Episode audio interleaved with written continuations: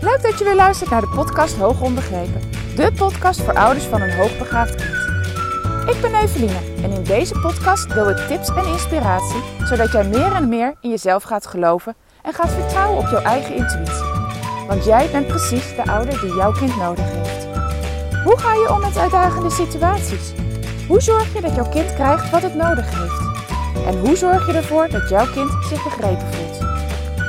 Om dit allemaal met jou te delen, dus laten we voor vandaag maar gaan beginnen.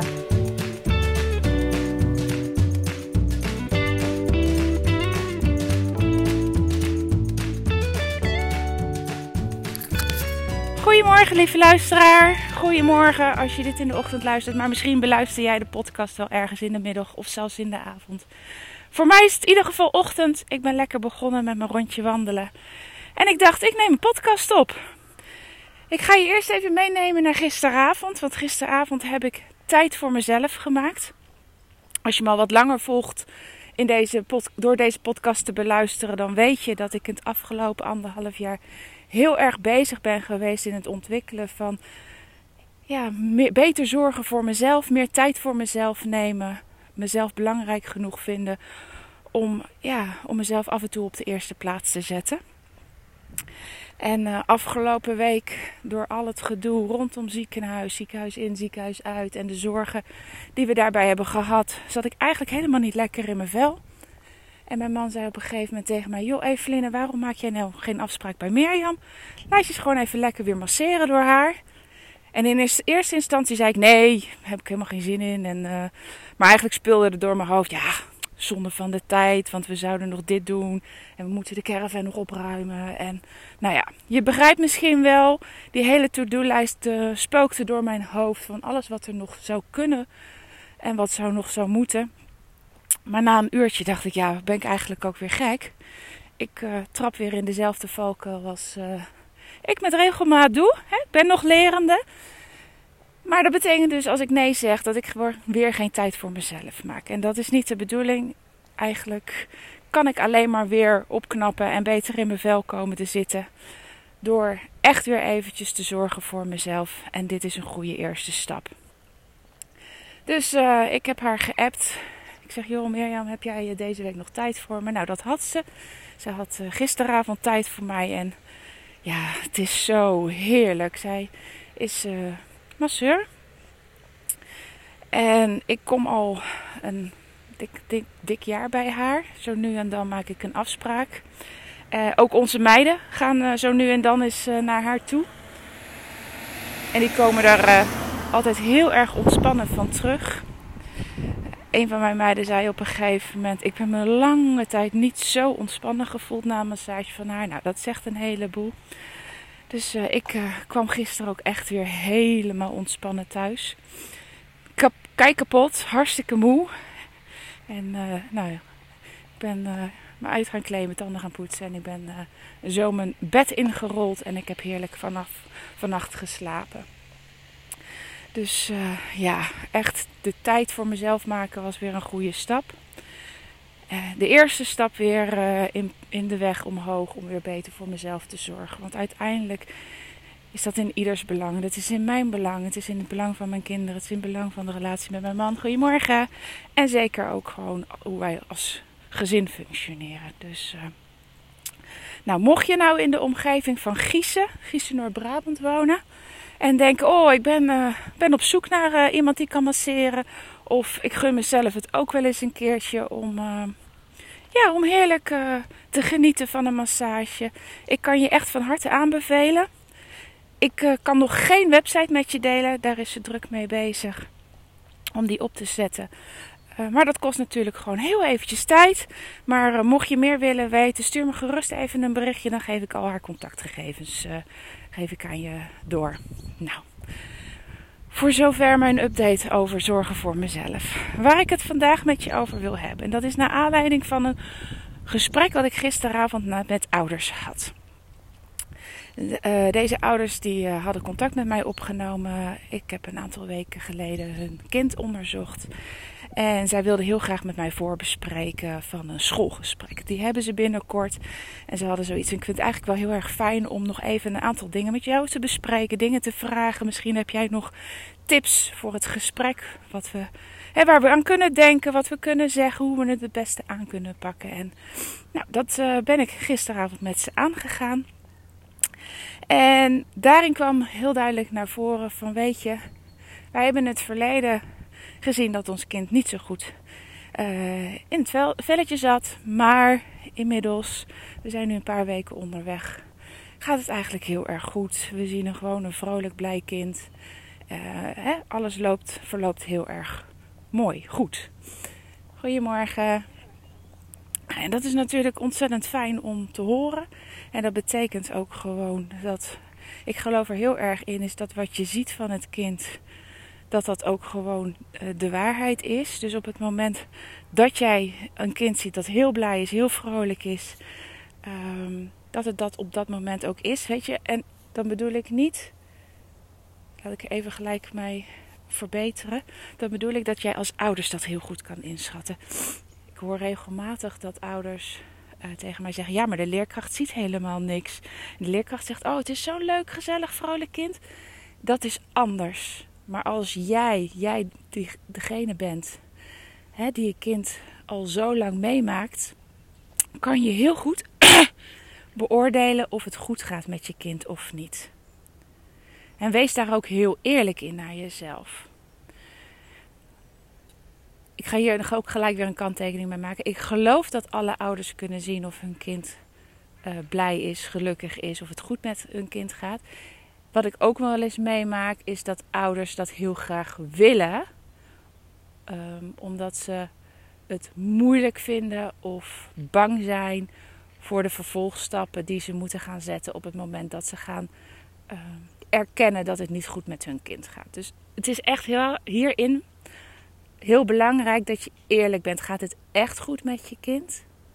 Kan je dat 100% eerlijk zeggen of zit er een eigen angst onder? Neem dat eens voor jezelf onder de loep. Maar deze ouders die zeiden van nee, het gaat echt heel goed. Um, lekker in het vel. En nou, kom, kortom, we zien momenteel niet de problemen die we in het verleden wel hebben gezien. En nou, nogmaals, fijn, heel fijn. En ik hoop echt dat het zo blijft. Want dat is uiteindelijk het doel. Het doel wat we met z'n allen hebben is dat kinderen gewoon lekker in hun vel zitten, gelukkig zijn en zich kunnen ontwikkelen. Um, maar de praktijk leert dat we dit heel vaak zien in de eerste weken van een nieuw schooljaar. over het algemeen, wanneer kinderen doorstromen naar een nieuwe klas, hebben ze een nieuwe leerkracht. Dat is nieuw. Er moeten weer wennen aan nieuwe uh, omgangsnormen uh, met elkaar. Omdat de, de nieuwe leerkracht toch weer nieuwe dingen van ze verwacht. Of net even de puntjes op de i op een andere plek zitten. Uh, weet je, dus er speelt gewoon heel veel in zo'n groepsproces. En daarnaast heb je ook, ja, het is nieuwe lesstof. Um, soms wel nieuwe methodes. Of er komt aardeskunde of geschiedenis of uh, topo uh, bij. Of misschien wel Engels. Weet je, er, is wel weer even nieuwe uitdaging waar het kind zich uh, mee kan opladen. Maar in de praktijk zie ik heel vaak dat kinderen richting de herfstvakantie weer gaan afzwakken. Dat je gaat zien dat het minder vlot loopt. Dat kinderen aangeven: Hé, ik ben moe, ik voel me niet zo lekker, ik heb geen zin om naar school te gaan. Wat knorriger thuiskomen. Het zijn allemaal signalen dat het gewoon minder goed gaat met het kind. En wat ik dan heel vaak hoor van ouders, ja, maar weet je, we zijn alweer een paar jaar bezig, of een paar jaar, een paar weken bezig in dit schooljaar. Uh, het kind is waarschijnlijk moe, heeft behoefte aan vakantie, hij kan dan wel weer opknappen. Um, en dat is natuurlijk heel logisch gedacht, want ook kinderen worden moe. En als je moe bent, dan ben je knorriger, dan heb je sneller overal last van. Maar bij hoogbegaafde kinderen, of mocht je het idee hebben dat je kind mogelijk hoogbegaafd is, zien we heel vaak dat dit de eerste signalen zijn van oké, ik heb het nu wel weer gezien. De, het nieuwe is er van af. En we gaan, ja, de verveling gaat weer uh, de hoek omkomen. En op het moment dat dan die herfstvakantie is geweest, dan uh, nou ja, zijn ze vaak alweer even een beetje bijgetankt. En dan modder je nog zo een beetje aan. Vervolgens kom je richting de Sinterklaas en de kerst is altijd een drukke periode. Dus is ook altijd een reden om te denken van oké, daar zal het gedrag van mijn kind wel vandaan komen. Mogelijk hè, dat het te maken heeft met spanning of met uh, ja, drukte of met vele prikkels. Of de verwachtingen die er zijn, die heel hoog zijn uh, rondom hè, kerst en Sinterklaas. Van joh, doe leuk mee en gezellig en allemaal festiviteiten. Nou ja, en voor je het weet, zit je alweer in de kerstvakantie. En is het ja, eigenlijk het eerste deel van het schooljaar zit erop en is er nog helemaal niks veranderd. Omdat jij als ouder de eerste signalen uh, niet altijd, misschien niet altijd goed hebt geïnterpreteerd. Dus wat ik in deze podcast heel graag wil, wil doen, is je bewust maken van dat het nu goed gaat dat is mooi. Dat dat geen garantie is voor wat er de komende weken gaat gebeuren. En als jij signalen herkent bij je kind, vermoeidheid, niet naar school willen, het roepen, het is saai, het is stom, ik heb buikpijn, ik heb hoofdpijn. Dat dit echt de eerste signalen kunnen zijn dat het niet voldoende is wat ze op school krijgen. En dat je dus eigenlijk het liefst voor de herfstvakantie al aan de bel gaat trekken bij school. Dus neem die signalen heel erg serieus. Um, doe ze niet af als zijnde van, oh, het zal wel vermoeidheid zijn. Het zal wel beter worden wanneer de herfstvakantie uh, is geweest. Ze zullen wel behoefte hebben aan vakantie.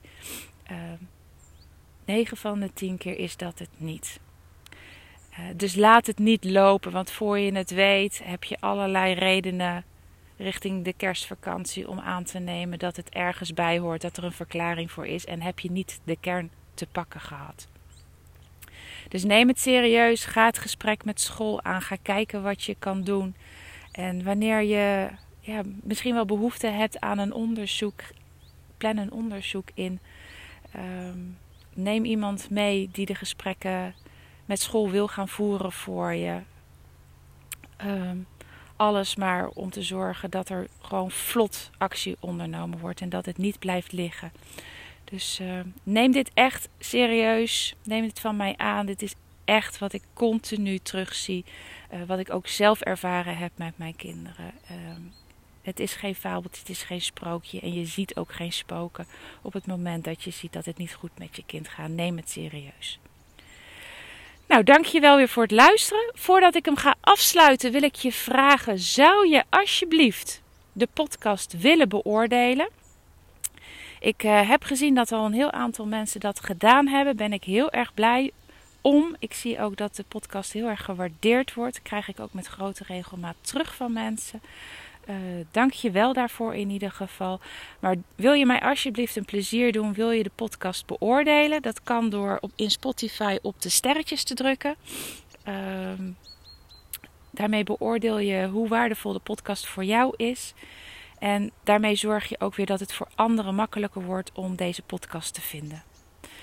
Nou, ook als je dat wilt doen of dat je het al gedaan hebt, dank je wel daarvoor. Heel fijn. En dan ga ik nu echt afsluiten. Ik wens je een hele fijne dag en ik spreek je snel weer. Doei doei!